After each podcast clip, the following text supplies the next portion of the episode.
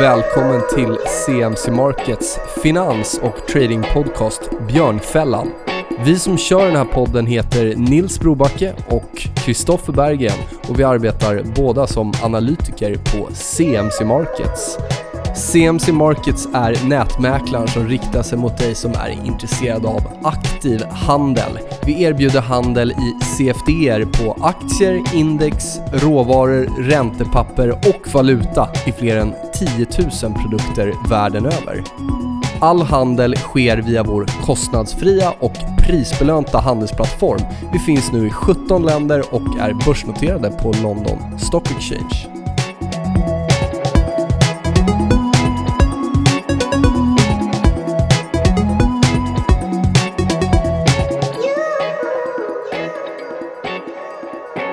Yes, då var det dags att dra igång avsnitt 48 av eh, Sales Markets Trading och Finanspodcast Björnfällan. Och idag har vi en gäst med oss, eh, fondförvaltaren Staffan Östlin från Adrigo Asset Management och du förvaltar fonden Adrigo Small Mid Cap.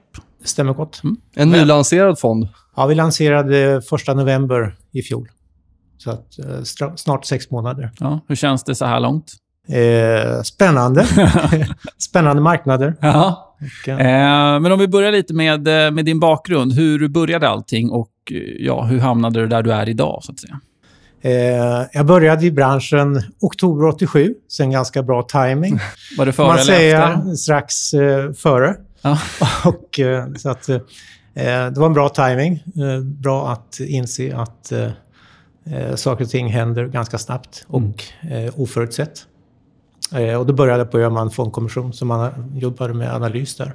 Mm. Det är en ganska volatil, eh, volatil tidsperiod om vi blickar bakåt. Vad, hur var känslan då? Det är alltid intressant att, eh, att höra för våra lyssnare just, just i det. Liksom. Känslan då var nog väldigt mycket skräck för att dels så var ju inte kommunikations, eh, kommunikationen fanns inte riktigt utan, utan Eh, jag kommer ihåg att jag var på en presentation med Stora Kopparberg som det hette på den tiden och kom ut på kvällen, för det här var via Aktiespararna. Och när folk kom ut där och insåg att New York hade gått ner så mycket så det var en rätt ny upplevelse. Mm. Ja, det var inte lika lätt att, att, att logga in på plattformen och, och ta en hedge eller liknande. Det var lite, lite svårare. Ja, lite svårare. Tänker jag. Ja. Och vad hände sen då efter eh, din eh, session där? Ja, jag jobbade som analytiker både på Öhman, Carnegie och eh, även då sedermera på enskilda mm. inom SE-banken. Eh, slutade där 96 då jag flyttade till New York och eh, bytte sida så jag började jobba som mäklare. Jobbade med, mot amerikanska institutioner och sålde nordiska, framförallt nordiska aktier. Mm. Till egentligen allt ifrån eh, hedgefonder till långa pensionsförvaltare. Vilken typ av bolag tittade du på? Var det large cap eller? Det var allt. Allting. Allting. Ja. Eh, från minsta mid cap. Så att kunderna var ju där också. Från, från egentligen specialiserade small cap-fonder till eh, typ Fidelity eller Templeton. Hur kommer det sig att du gjorde bytet från eh, analytikersidan till mäklarsidan? Det var att eh, eh på enskilda så var vi, gjorde vi då Scania-introduktionen 96. Och det var då den största introduktionen som hade gjorts och eh, jag kände mig ganska så här, man kan inte göra så mycket mera mm. på analyssidan. Det kändes, Sluta på topp. Det, känd, det kändes som att ja, det var svårt att få mera inspiration. Och då kändes New York spännande. Så det var mer New York än mäkleriet som lockade, eller? Absolut, mm. det var det. Är det någonting från mäklarsidan som du har tagit med dig in i mer förvaltarrollen och analysrollen när du sen kom tillbaka till det? Ja, framför, framförallt eh, kontakter med hedgefonder i USA och eh, ja, kontakten överallt, eller overall skulle jag säga. Inte bara hedgefonder, men, men varför ska jag äga den här aktien eller varför ska jag sälja den här aktien just nu? Mm. Eh, det tror jag är liksom en, lärdom som är väldigt viktig. Och sen så, idag så är du då på sen Adrigo? Flytt, ja, jag flyttade hem eh, 04 och eh, jobbade en par år som ansvarig för aktiestrategi på Handelsbanken. Mm. Eh, sen tröttnade jag på bank och eh, körde egna investeringar under ett antal år innan jag eh, anslöt till en fond mm. som ni säkert känner igen som heter Origo. Jag var med där från starten och körde fem år ungefär. Mm. Och Vad har ni för eh, förvaltningsfilosofi idag? Vilka typer av bolag är ni ute efter? Eh, mandatet är brett. Vi, vi, vi, kan, vi jobbar inom det som är Carnegie Small Cap, så att upp till runt 55 miljarder. Vi kan gå utanför det i vissa enstaka fall. Eh, och lång kort. Eh, vi försöker att hålla oss... Vi har sagt att en normal eh, nettoexponering i fonden ligger någonstans mellan 20 och 40 procent. Eh, dock har vi sagt att om vi går från 20 till 30 eller från 30 till 40 så betyder det inte att vi är nödvändigtvis mer positiva till marknaden utan det är mer antalet affärsidéer vi kan hitta på Enskilda case. långa och korta sidan. Eh, koncentrerad fond. Vi har sagt att vi ska ha mellan 15 och 25 långa innehav. Eh, och ungefär lika många, kanske några fler på korta sidan. Mm. Ofta tenderar ju long short strategier att bli lite long biased. Uh, hur ser det ut där? Ska man se det som en marknadsneutral long short? Eller? Nej, nej absolut nej. inte. Utan inte marknadsneutral. Nej. Utan vi, vi, har sagt att vi kommer nog att ligga någonstans runt mellan 20 och 40 procent i normalfallet. Ja. Att ha en nettoexponering. Mm. Så att lite mera långa. Hur ser det ut på... Eh, har ni mandat att använda derivat i fonden och gå kort i vissa situationer? kanske? Vi kan, vi kan använda index och så ja. vidare. Eh, vi försöker hitta aktier. Mm. Eh. Hur ser det ut med valutaexponeringar där? Är det något ni jobbar med? Ja, vi, vi tittar på det, ja. men vi, vi hedgar inte. Eh, däremot vi, vi har haft under hela... Sen starten har haft eh, rätt stor nettoexponering in i Norge till exempel. Så mm. att, och norska kronan har fluktuerat ganska mycket. Men där har vi också haft en stark tro till eh, att oljan eh, hade bottnat och att vi såg att eh, norska ekonomin kom tillbaka. Så vi har en stark tro på kronan också. Hur gör ni när ni ska leta då? Om vi börjar med långkandidater att köpa. Vad är det du letar efter rent konkret i bolagen? Huvudpoängen det, det är förändring egentligen. Och sen har vi, vi kan säga, vi har tre olika delar i portföljen. Jag är en del som är lite längre i horisont och lite större positioner. Och då, då kan vi ligga mellan 8 och upp till 13-14 procent i ett enskilt innehav. Och eh, där kan vi också ta lite större likviditetsrisk. Men det är långa förändringscase som vi ser. Eh, där aktiemarknaden kanske helt enkelt har, ja, de är bortglömda lite grann eh, i många fall. Eh, det är en sak och där är det verkligen att vi ser förändringar. Förändring kan ju vara allt ifrån ledning, det kan vara förändring i marknad och så vidare. Eller i ja, marknadens syn på den här sektorn. Eh, sen har vi en, en annan del i portföljen som är lite mer aktiv. Och där har vi ett, en kortare tidshorisont och där är positionsstorlekarna också mindre. Då. Där kanske vi jobbar mellan 2 upp till 7 procent. Eh, och som jag sa, betydligt kortare tidshorisont. Vad kan det vara för... Är det upp, är, kan det vara en vecka eller pratar vi månader? Det eller? kan vara en vecka, det kan vara sex månader, det kan vara nio månader. Okay. I vissa fall de fonderna har inte funnits så länge, men, men, i vissa fall så kan det mycket väl vara så att de här utvecklas till att bli riktigt stora bolag så småningom också. Okay. Eller stora innehav. Sen har vi en tredje del som är där vi letar aktivt efter små tillväxtbolag som är riktigt, riktigt små och där vi kanske kan tillåta oss ha mellan 1 och 2 procent. Är tanken då att gå in som en ägare som påverkar eller nej, i de små nej, bolagen? Nej, inte påverka. Däremot är det klart att vi har aktiv dialog med, mm. med eh, ledning och så vidare och säger vad vi tycker. Men eh, vi har ingen ambition att vara aktiva ägare. Är det några speciella bolag där som du vill nämna? Några favoriter? Eh, antingen på lång eller kortsidan. Jag kan säga det största innehavet vi har i, i, idag det är faktiskt det, det är Recipharm eh, som väger då väl över 10% i portföljen eh, som vi tycker är ett, ett rätt spännande bolag som, som under fjolåret var i vad man skulle kunna säga en, en perfect storm. Eh, allting gick snett och eh, aktiekursen gick från 180 ner till botten, bottnade väl på strax över 80 kronor. Eh, där vad kom ni in på för pris ungefär? Ja, där har vi köpt, vi har köpt aktier mellan 85 och 95 ja. kronor. Och vad, om vi blickar framgent då, varför, vad, vad händer i år? Är det har ni någon uppsidetarget eller vad, vad är det ni tror kommer... I år så ser vi att de här, framförallt två stora investeringar som man gjorde i fjol i Tyskland, och i, i, dels en frystorkningsanläggning och även de här blowfill, en seal-anläggningarna, en av dem var försenade. Eh, man har haft kostnader för det här och det, under första kvartalet här så börjar man producera för kunder. Så att kassaflödessituationen kommer att förändras rätt dramatiskt redan första halvåret och även vinsterna under andra halvåret. Så här ser vi både 2018 och 2019 som väldigt starka. Och Vad krävs om man, om man tar ett sånt bolag då som har haft det tufft, det kanske är ganska volatilt, men ni går ändå in tungt i det. Eh, vad är det ni så att säga inte vill se i den typen av bolag? För det kommer förmodligen vara en volatil resa. Förhoppningsvis på uppsidan, då, men det kanske rör sig lite neråt också. Ja, absolut.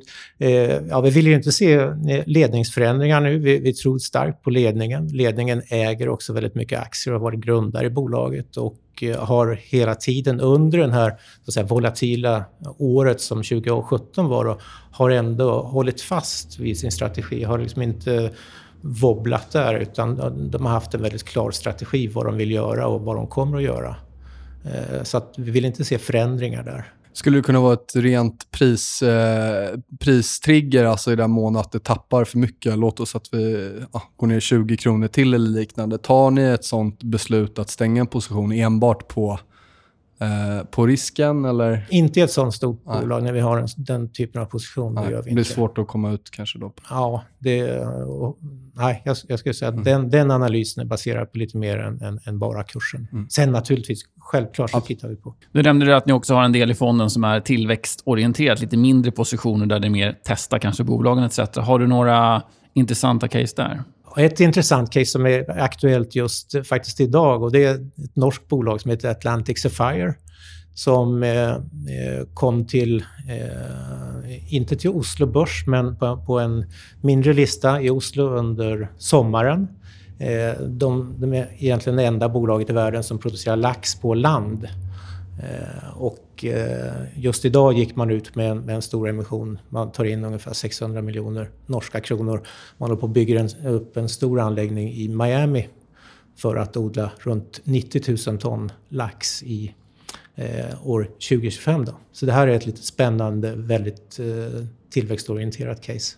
För ni har ju Grieg och Leröy där redan, eh, om jag eh, har förstått det rätt. Eh, de har ju gått väldigt bra eh, sista sista rörelserna är nästan paraboliska. Hur ser ni på ja. det? Är det något ni har börjat plocka hem vinster på? Eller? Vi har plockat hem en hel del där. Eh, däremot kan jag säga att vi är fortfarande väldigt, väldigt positiva till sektorn som helhet. Där mm. vi ser att det är en sektor som historiskt sett har handlats som en, som en mer och mindre som en råvarusektor mm. och haft väldigt volatila vinster också. Eh, där vi ser att eh, volatiliteten i vinsterna eller volatiliteten i priserna har gått ner rätt ordentligt. Samtidigt som vi ser att det har skett en konsolidering i branschen och den konsolideringen har varit väldigt positiv. Då vi ser att eh, marknadsledaren som är Marine Harvest driver ju också aktivt marknaden på, på lax. Man, vi har sett att man lyckas väldigt bra i Tyskland. Nu gör man samma sak i USA. Så att det är en bransch som vi tror kommer att omvärderas rätt ordentligt. Hur ser tillväxtpotentialen ut? Jag vet att vi hade ett specialavsnitt på lax när vi pratade om lax. Det var ganska länge sedan nu. Men då, Kina och USA är, står inför ganska intressanta uh, förändringar när det gäller just tillväxten för lax, vill jag minnas. Mm. Hur, hur, ser det ut där? Uh. Absolut. Eh, USA växer med runt 15 nu under första kvartalet. och det drivs på i form av att man erbjuder bättre förpackningar, det är lättare att köpa lax och så vidare. Eh, exporten till Kina har ju också gått upp kraftigt nu. Norge hade ju lite problem med den politiska situationen mm. tidigare för att exportera till Kina. Eh, men, men tillväxtsidan där, när det gäller efterfrågan, ser fortsatt väldigt bra ut. Sen har det ju kommit då nya system både i, i Norge och i Chile när det gäller hur mycket kapacitet man får bygga ut. Så att det, och den utbyggnadstillväxten den kommer att vara låg de kommande åren. Eh, de här innehaven som är mer av kortsiktig karaktär, vad är det som gör att ni går in i den typen av bolag? Är det rent tekniskt eller är det... Det är en blandning och där återigen huvudordet är, är, förändring, så att någon slags förändring. Men det kan vara att vi, vi ser att marknaden är på väg någonstans. Kan, hur passar det här bolaget in i, i, hur marknaden ser på den här branschen? Det kan vara tekniskt också. Eh, men, men, vi köper så att säga inte, inga dåliga bolag där. Um, har ni systematiserat någonting i er process när det gäller till exempel eh, riskhantering, entry exit eller ett, med ett systematiskt tänk, även om jag vet att ni är en diskussionärt förvaltad fond. Hur, hur går tankarna där? Alltså det, det är en konstant process, skulle jag säga. Det är, när det gäller kortningarna så, så där har vi en mental att uh, går en kortning emot uh, mer än 10 procent mm. då, då, då funderar vi ett mm. extra varv. Ja, det är ju obegränsad uppsida där, om man ligger, ja, eller nedsida ska jag säga. Det, ja. Och det är väldigt lätt att liksom hamna i den fällan och tycka att man har gjort rätt analys från början och så blir man fast i det tänket. Eh, men när vi, om vi ändå pratar om kortningar där, vad är det som gör att ni går in och kortar ett bolag? Är det en prisrörelse? Är det en värderingsfråga? Är det förändring som du pratade om, som också det som gör att ni köper till exempel? Då? Ja, det är en förändring. Eh, förändring ska det helst vara. Mm. Eh, det räcker inte med att bolaget är dyrt eller det räcker inte med att, bolag, eller att aktiekursen har gått eh, upp för mycket. Utan vi måste se någonting att vi tycker att analytikerna eller, eller marknaden är för optimistiska i sina antaganden. Vi kan se, ja, nu i en rapportsäsong så är det typiska exempel när man verkligen kan, kan se att här ligger marknaden snett. Och eh, som gammal analytiker så vet jag att eh, när det händer eh, oförutsedda saker och man, så tvingas man justera sina prognoser och väldigt ofta så gör man det för lite och för sent. Eh, och där kan man förhoppningsvis eh, vara lite steget före. Har du något short case här du vill eh, nämna? Någonting som du tycker ser rejält överköpt ut? Ja, överköpt. nej, jag skämtar lite, men no, någon typ ja, av short-kandidat som du vill nämna lite extra ja, kanske? Nej, vi, vi är korta Electrolux. Den ligger lite, ja. ut, lite utanför vårt eh, index normalt, men, men den, är, den är vi kort i. Caset är väldigt mycket det att eh, här är det as good as it gets. Vi, mm. vi ser att eh, man går in i en tung investeringsperiod eh, framförallt i USA. Vi ser att eh, det är kraftig prispress. Jag vet att ni hade ett kort innehav förut i Nibe. Visst var det så? Eh, och Det är ett bolag som kanske många har som en favorit. Lite av ett, mm. kanske, ja, som H&M var förr i tiden, inte längre. Men vad, vad var anledningen till att ni valde att gå kort Nibe? Eh, vår tes var då att, att eh, man skulle ha svårt att eh, att kompensera sig för materialprishöjningar som, som skedde under egentligen Q3, Q4. Management talade en del om, om det också. Plus effekter från USA och lägre subventioner. Men, men där i grunden och, grund och botten är Nibe ett bolag som vi älskar, som mm. vi tycker är jättebra. Okej, okay, så det var gäller... mer en take på att det kommer vara bli en tillfällig sättning på ja. grund av tillfälliga effekter då, eventuellt högre kostnader ja. etc. Ah, okay. ja, jättebra bolag. Det här är ju en relativt ny fond, eh, men du har ju lång erfarenhet tidigare som vi hörde. Hur skulle du säga att din förvaltning påverkas av att ligga i till exempel eh, drawdown eller göra nya högsta noteringar i, i PNL? Eh, ja, det är klart att man påverkas mentalt både, både på det ena och det andra eh, sättet. Och eh, det jag alltid försöker tänka det är att man, man man bör vara ödmjuk i den här branschen och eh, när man är där vid all time high så vet man att eh, smällen kommer nästa dag eller nästa vecka eller om en månad. Eh, det gäller verkligen att inte bli för övermodig då. Och likaledes egentligen åt andra hållet. Att, att våga ta beslut som känns jobbiga.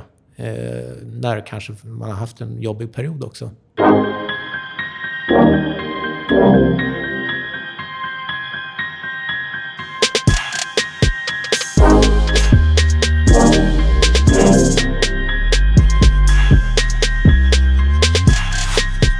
Nämnde det tidigare att ni går in ganska tungt i vissa bolag och det, ska, det är förändringar etc. Och som var inne på med Recifarm där, så kan det bli ganska volatilt. Hur, hur hanterar man då den känslan med, eh, alltså du var inne på här nu, att ni är ju tungt investerade och det gäller att stå fast vid sin övertygelse, men kan övertygelsen också bli en fara? Absolut. Eh, verkligen. Och, och, det är lätt. att det är väl bland det svåraste man kan göra som, som, eh, som, investerare, att ompröva sitt beslut som man från början tycker är klockrent och, mm. och eh, alla andra har fel och jag har rätt. Så att, eh, det där är, det är någonting som man hela tiden får tänka på.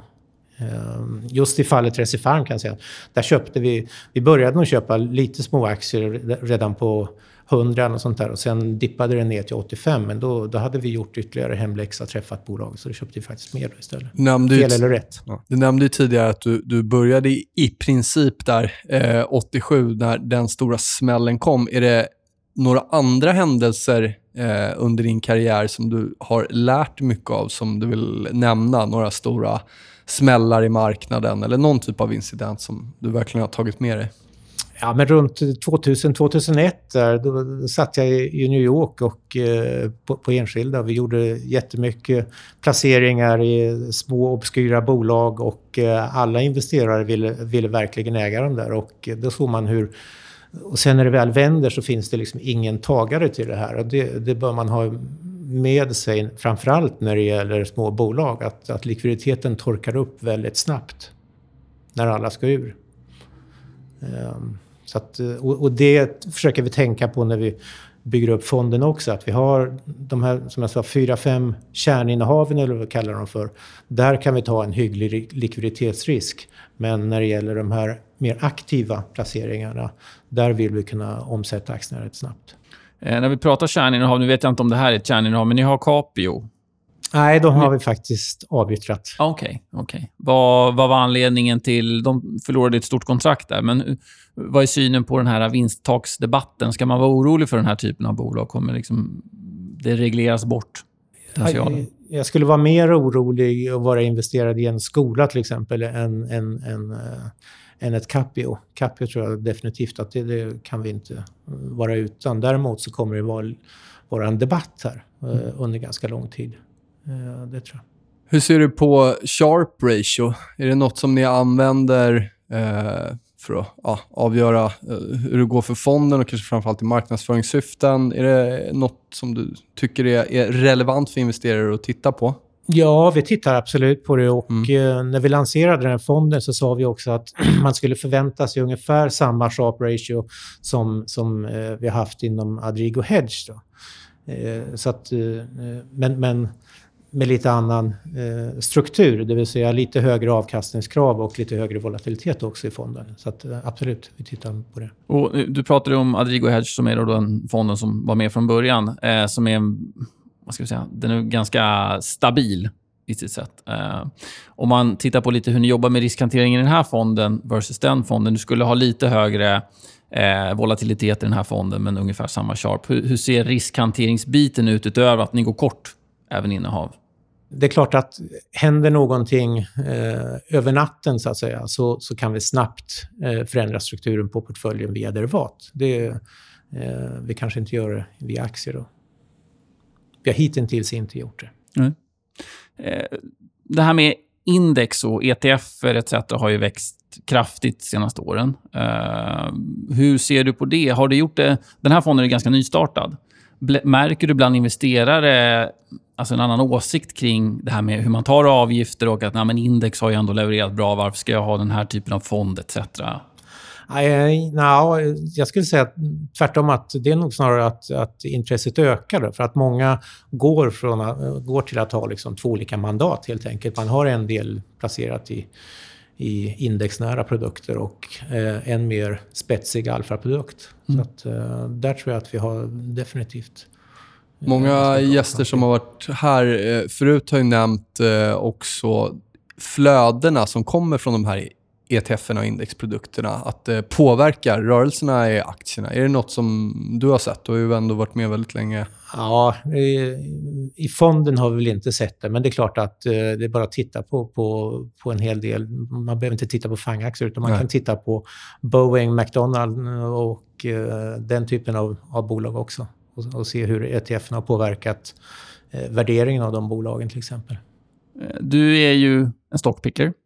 Eh, men jobbar du någonting med makroindikatorer när du eh, planerar för innehav eller går in i nya positioner eller i din analys? Inte på ett strukturerat sätt, men, men makron finns ju där hela tiden. Framförallt som jag sa, vi har, vi har, haft en, vi har en hel del exponering mot Norge, eh, olja och olja blir väldigt mycket makro. Mm. Eh, så att, eh, det finns hela tiden där, absolut. Är det något annat? Och det, och det, jag tror att det är viktigt att, att inte bara vara helt fokuserad och, och eh, enögt titta på små bolag, utan det gäller att ha liksom the big picture också. Eh, och även titta på de stora bolagen. Inte bara titta på vad händer inom småbolagsvärlden. Utan lika gärna, lika viktigt är att läsa en rapport från Sandvik eller Volvo eh, för våra bolag. När vi ändå är inne på lite, vi pratade om tidigare också, rapportperioden som nu drar igång på allvar idag eh, och kommer fortsätta ett tag. Men är det någonting i den här rapportperioden som du specifikt är ute efter? Och är det någonting i rapportperioder generellt som du som liksom försöker pinpointa? För att hitta idéer kanske? Jag tycker att så som nu, nu är det väldigt... Alla är överens om att makrobilden ser väldigt bra ut. Alla är överens om att eh, vinstutsikterna ser bra ut. Och hittills har ju rapporterna varit ordentligt bättre än förväntningarna har varit. Eh, det intressanta är att se hur aktierna reagerar då. Eh, när man ändå, eh, vi såg Volvo idag komma in ungefär som väntat. Eh, aktien kommer ner rätt ordentligt eh, trots det. Och då, då eh, samtidigt så ser vi Hexpol som, som klår förväntningar med en par procent och aktien är upp 6-7 procent när jag lämnade eh, kontoret här. Så att, Sandvik hade en bra spik upp och sen spik ner direkt igen. Ja, så att, vi kommer ju tillbaka till förväntansbilden som är så viktig. Mm.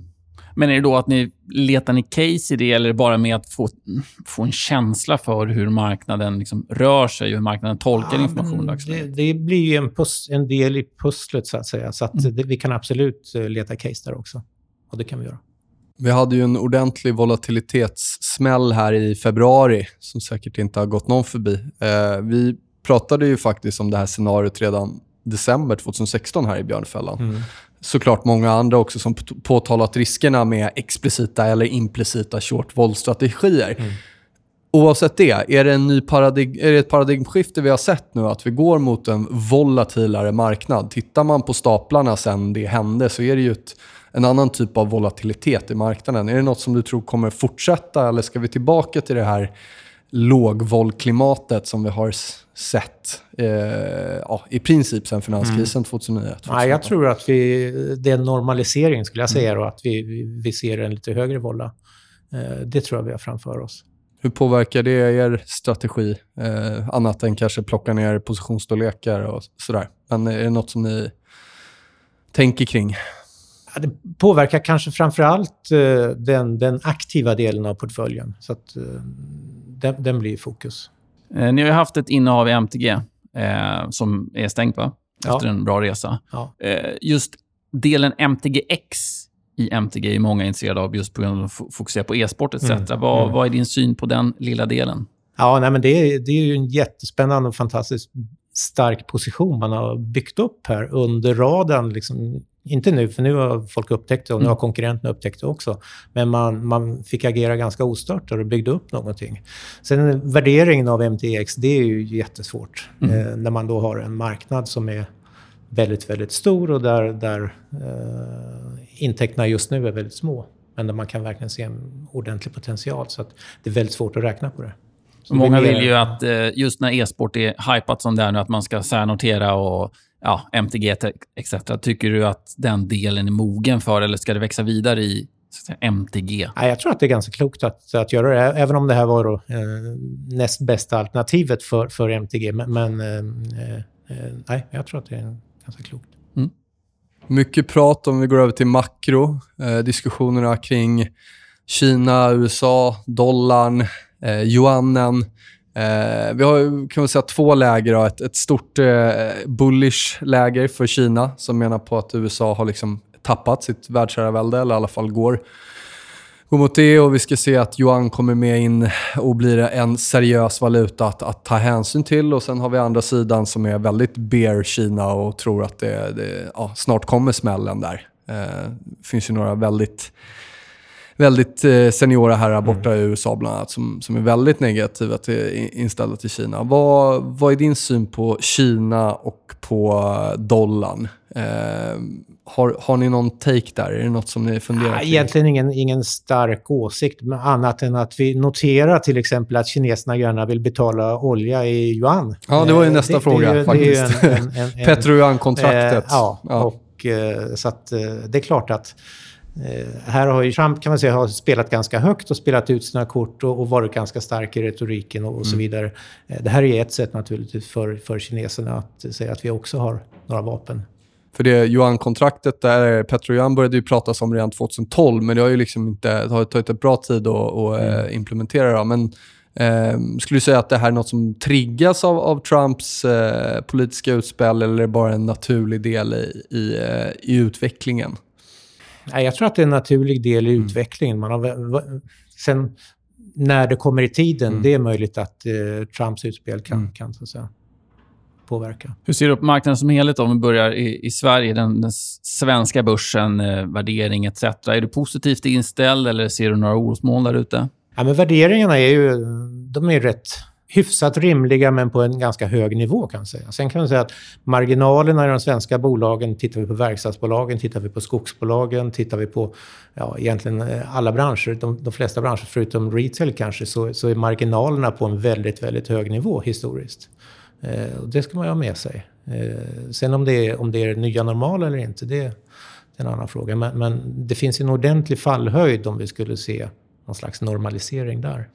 Men är det, är det någonting då du håller lite extra koll på? Att man kan bibehålla marginalerna på de här nivåerna så att man inte börjar få sjunkande marginal? Det kommer man ju se i vinsten såklart. Mm. Men är det just mm. där du blir orolig i sådana fall? Eller är det mer en tillbakagång av omsättningen? Ja, marginalen och, eh, men även räntorna naturligtvis. Eh, mm. Och, och, inflationen. Jag, menar, jag tror att inflationen är klart underskattad på, i väldigt många länder. Eh, och att vi har en betydligt högre inflation än vad som noteras officiellt. Det är mycket prat om, om räntorna nu, om vi tar USAs tioåring till exempel. Jag brukar kolla på den eh, inverterad, då, men eh, mm. det är väl den här 3 procenten man pratar om. Om jag kollar på den inverterat så är vi just nu nere och testar en nivå som, eh, en trendlinje egentligen, som, som eh, försvarades eh, nu ska vi se, december 99 och juni 2007. Eh, mm. ganska speciella tidpunkter i historien ja. om vi blickar bakåt. Är det någonting som du tror, eller är det någonting som ni tror kan trigga en större börsnedgång? Är det, är det en större ränteuppgång eller har ni, eh, skulle vi kunna få en börsuppgång på fortsatt eh, nedåtgående ränta? Hur, hur ser ni på det? Ja, man, tittar man på amerikanska eh, USA-börserna så har det gått betydligt starkare än eh, Europa under ganska lång tid. Så att, eh, och de ligger i en annan fas. Eh, ja, eh, USA-räntan jag är inte så säker på att den kommer att klättra så mycket högre än det här. Vi, vi är så att säga på väldigt höga nivåer och frågan är om hur många höjningar man hinner med så att säga. Innan marknaden blir orolig och man måste börja sänka och köra QE ja, men igen.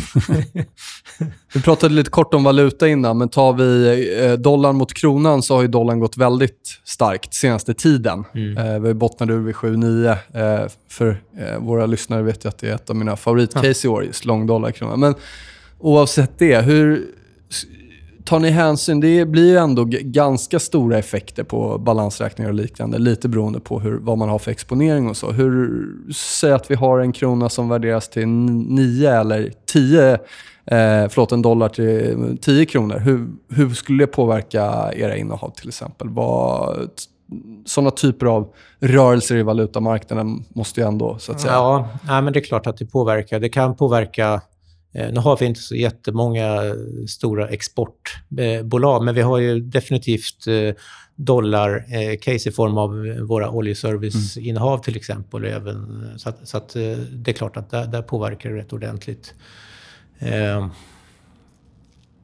Ja, nej, men det, det är mm. någonting som vi hela tiden har i, i bakgrunden så att säga. Mm. Men, men, inte så att vi tar ett bett på det, aktivt ja. bett. Eh, man kan se i Danmark, eh, där finns det ett antal högt värderade bolag. Eh, och där slår ju eurodollar rätt ordentligt under första kvartalet här har man sett i några fall. Eh, så där kan man se lite mer specifikt. Um, ni har två relativt stora innehav i shippingbolag, va? Två stycken shippingbolag som ni äger. Ja, vi, vi äger ganska mycket i Wallenius Wilhelmsen. Precis. Som då är eh, världsledande när det gäller att transportera bilar. Men de flesta människor tänker då på bilar, men det man tenderar att glömma bort är att ungefär 25% av det de transporterar det är också då eh, typ anläggningsmaskiner och gruvmaskiner. Så att eh, det är typ Volvo VC eller det är eh, Atlas mm. gruv så, och, och, den biten är då betydligt mer lönsam också. Där kan man säga att man kommer från väldigt låga nivåer. Så det är ett av våra case. Och där är två bolag som har samarbetat under typ tio år, Wallenius och Wilhelmsen. Eh, och för ett år sedan så gjorde man en regelrätt fusion. Eh, så att det finns väldigt mycket strukturvinster att ta ut av det. Så det är inte traditionell shipping utan det är mer industriell shipping. Ska jag säga. Vi har ett, ett annat innehav som heter eh, Flex LNG eh, som är också ett norskt bolag och det är också industriell shipping och det är ett relativt nystartat bolag som ingår i eh, John Fredriksen-sfären där han eh, då har beställt ett antal fartyg, eh, stora LNG-fartyg till förmånliga priser och som de tog leverans av sitt första fartyg nu i januari. Eh, där man helt enkelt håller på att bygga upp en industriell spelare. Och det här bygger då på LNG-marknaden som, som historiskt sett har varit väldigt låst och en industrialiserad bit. Där vi ser nu en väldigt stor export komma från USA de kommande åren. Man har byggt ut väldigt mycket anläggningar och det kommer att, exporten kommer att öka dramatiskt därifrån. Eh, så att det här blir mer en, en, en shippingmarknad också. Då. Eh, om vi tittar på fonden då, sen det startades, det var november sa du där tidigare. Hur har, det sett, hur har utvecklingen sett ut fram till idag? Man kan säga att de första två månaderna eh, hade vi en väldigt stark utveckling. Och eh, januari var en jobbig månad eh, där vi var ner rätt ordentligt. Eh, sen har vi haft en flat eh, februari och något ner mars. Sen april har då varit betydligt bättre.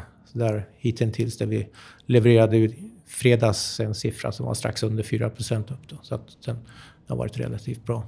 Är förväntat om du tittar på jämförelseindex? Är det eh, ungefär hur det har legat? Eller? Ja, sen början så är vi något bättre ja. än, än, än nordiska indexet, Carnegie Small Cap Index. Vad var det i januari där som gjorde att det var lite tufft? Var det flera innehav som gick emot eller var det någon, något några enskilda innehav där det blev en kanske lite större rörelse på nedsidan? Ja, det var egentligen både, faktiskt både på långa och korta sidan. Några okay. Eh, enskilda innehav som vi hade tillåtit, något eh, långt innehav som vi hade tillåtit bli lite för stort. Där övertygelsen kanske inte var helt eh, 100 procent. Och då får man alltid smisk. Mm. Klassiskt. Men hur, hur, gick tankegångarna där då? Det gick fel ganska ordentligt åt båda hållen. Ja. Eh, blir man mer nitisk i analysen av, av liksom innehaven? Vad ska behållas? Ja. Vad ska ut? Ska vi öka någonstans? Hur... Det är klart att det blir en, en form av, av eh, eh ja, man får ransaka sig själv helt enkelt och mm. eh, återigen titta på, är vi verkligen övertygade om det här caset? Håller det här caset? Vet vi vad vi riktigt vad vi... För att det är alltid viktigt att veta vad man har investerat i. Mm. Och det är klart att vi alltid vet det. Men, men förstår vi verkligen affärsidén? Förstår vi hur, hur säsongsmönstret är? Hur mycket betyder enstaka order i det här bolaget och så vidare. Mm. Så att eh, det är en rätt viktig rannsakningsprocess som, som man eh, går igenom mm. när man har den typen av rörelser. Men gör ni det på egen kammare eller börjar ni ringa eh, vd för bolaget och så vidare? ja, det är både och. Det är både och. Absolut. Eh, främst vår egen analys. Mm.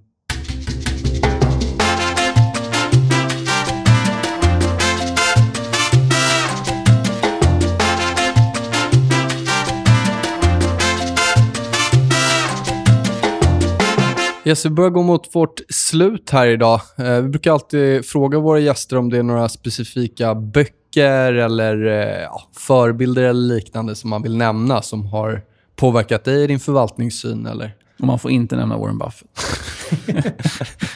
ja, eh, favoritböcker många, men eh, en bok som jag tycker framförallt är intressant är en bok som heter Investment Gurus av Peter Sanos. Och, eh, där är massa intervjuer med en del eh, tradingmänniskor och investerande människor. Och framförallt en eh, Richard Rehouse som jag tycker är väldigt eh, intressant och speciell. Dessutom lite roligt för han var kund till mig i USA också. Och eh, han brukar kallas för the father of momentum investing. Och Rehouse är väldigt chart inne på chart och eh, de flesta aktieplacerare brukar tala om att man vill köpa lågt och sälja dyrt. Och Richard Rehouse myntar uttrycket “buy high, sell higher” som jag tycker är en rätt eh, intressant eh, filosofi och framförallt för mig som fundamental aktienörd från början och eh, fundamental analytiker så är det väldigt viktigt och intressant att gå in på charten också och verkligen tvinga sig att att göra den analysen också hela tiden. Spännande. Men hur... Eh, nu kommer jag tillbaka det här med lite strategi. Men du nämnde att han har inspirerat de här kortsiktiga innehaven. På vilket sätt har han inspirerat de kortsiktiga förutom att det var ett momentumtänk? Men vad är det just ni är ute efter i momentumet? Att också koppla bort, inte bli kär i bolag, koppla, koppla bort den biten faktiskt. Att verkligen försöka förstå hur tänker marknaden när det gäller det här bolaget, när det gäller den här sektorn. Eh, inte så, inte så ska jag säga, fundamentalt. Men Sen, ni sen på... ska det vara fundamentalt sunt naturligtvis. Mm. Just det. Men tittar ni på till exempel ja, men starkaste bolagen på 12 månaders sikt, är det någon sån form av screening, eller hur man ska uttrycka det som ni gör, eller är det mer case by case? Ja, case, men, men vi tittar naturligtvis, vi, tittar på eh, MACD, vi tittar på 200 dagar, tittar på 50 dagar, man tittar på eh, börjar aktierna vända, Mm. tre månader, eh, vad har hänt där och så vidare. Så i den här secret saucen så det finns tekniska indikatorer också? absolut, absolut, Ja. det gör det. Eh, och sen är det eh, att ha liksom örat nära rälsen Mm. eh, och höra. Och där är det viktigt när man, som vi investerar utanför Sverige också, så är det viktigt, framförallt i den norska marknaden, att ha lokala kontakter. Eh, för är det någon marknad som man, i Norden som man kan bli lurad på som svensk så är det i, i Norge. Så att där gäller det att... Och det gäller- där, där gäller det att ha någon... Jag trodde det var Danmark, men okej. Ja, nej, men jag tror att det, det är väldigt viktigt att ha en vän i viken där. Ja, men det väl- och det går väl att applicera på det mesta det, med den lokala förankringen. Det är ju kanske omöjligt att snappa upp de sakerna som man lyckas göra där Ja, men på plats. Eh, och det återigen när, vi satt, när jag satt i USA och eh, det är klart att när man pratade med Patnam eller Fidelity där så, så visste man att den killen också pratade med Morgan Stanley. Så att eh, det fanns en anledning varför de ville tala med någon kille från Norden. Sådär, då var avsnitt 48 av vår podcast Björnfällan eh, klappat och klart. Stort tack till dig. Fantastiskt intressant intervju. Eh, har du någonting att tillägga, Kristoffer? Är det något mer du vill veta av Staffan, eller känner vi oss nöjda för idag? Nej, jag kommer inte ställa fler frågor. Ja, det är jag ska tacka. Jättekul att vara här. Ja. Tack. Stort tack. Tack.